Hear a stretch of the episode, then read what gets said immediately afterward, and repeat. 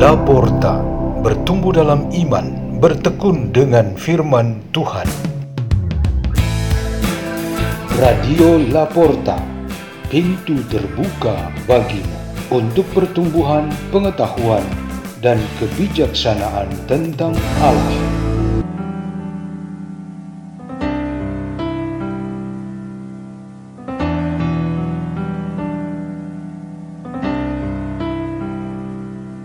Bacaan dan renungan Sabda Tuhan Hari Sabtu, Pekan Biasa ke-7, 26 Februari 2022. Dibawakan oleh Steni Saputri dan Leonardus Jati dari Smak Seminari Santo Yohanes Paulus II Labuan Bajo, Keuskupan Ruteng.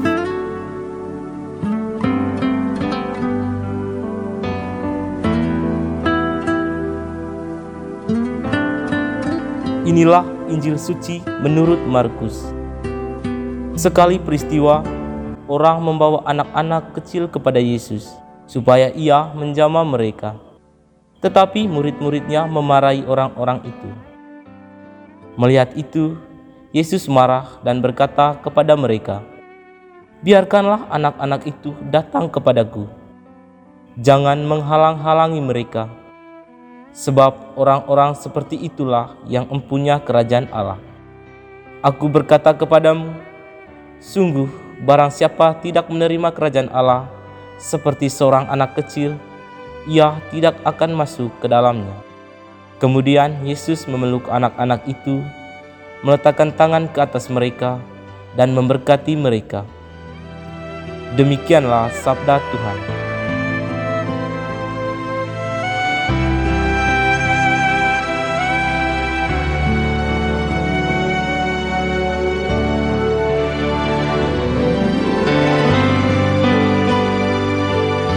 Renungan kita pada hari ini bertema doa dan dukungan bagi generasi muda.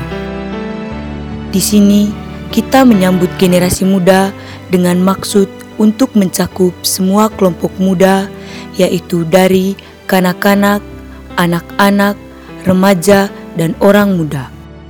Di mana-mana, generasi ini dipandang sebagai elemen masyarakat dan gereja yang selain dibanggakan tetapi juga diremehkan.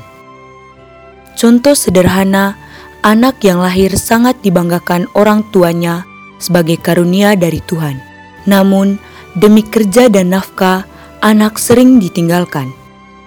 OMK sering dipuji atas semangat dalam keterlibatannya, namun sering juga suara mereka tidak didengarkan dan kurang dukungan finansial oleh gereja untuk kegiatan mereka mereka justru disuruh untuk mencari sendiri dananya. Bagaimanapun, segmen generasi muda tidak bisa disepelekan begitu saja. Energi mereka sangatlah kuat. Bahkan, jika hal ini dipandang dari kacamata politik, segmen mereka sangat diperlukan untuk mendukung elektoral pemilu nasional dan daerah. Tuhan Yesus meminta perhatian kita kepada energi generasi muda ini agar dihargai dan dijadikan pendukung kehidupan pada umumnya. Tanda nyata perhatian Yesus inilah menerima dan memberkati mereka. Yesus juga menjadikan mereka sebagai model bagi pencapaian dan pemilihan kerajaan Allah. Yesus menyamakan kerajaan Allah dengan anak-anak kecil. Mengapa? Mereka pada umumnya yang diremehkan, dipandang kecil, dan tidak akses banyak kesempatan. Tetapi Tuhan memilih untuk menjadi kecil, menjadi rendah, bahkan yang teraniaya. Dia sendiri menyamakan dirinya dengan anak-anak kecil. Ia selalu berkata bahwa yang terkecil adalah yang terbesar. Ini adalah bagian dari cara penyangkalan diri yang diteladankan oleh Yesus Kristus. Kita semua yang mengikuti Dia dituntut untuk menghayati bentuk-bentuk penyangkalan diri, supaya kita selamat dan mendapatkan tempat di dalam kerajaan Allah. Sebagai suatu bentuk tindakan konkret, kita mesti selalu memberikan tempat yang spesial kepada generasi muda.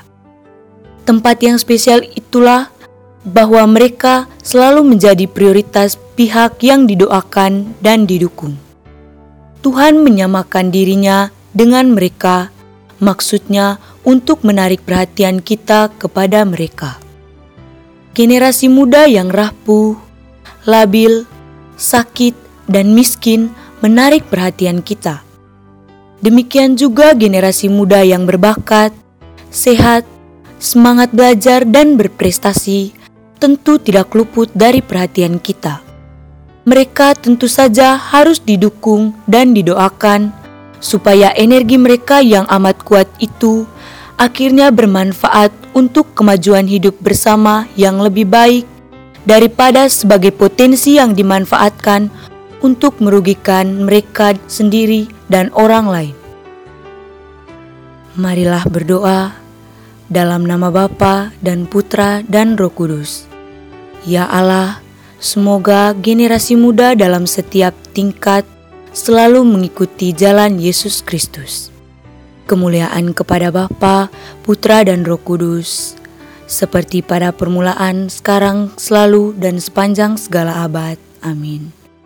Dalam nama Bapa dan Putra dan Roh Kudus. Amin. Radio Laporta, pintu terbuka bagimu.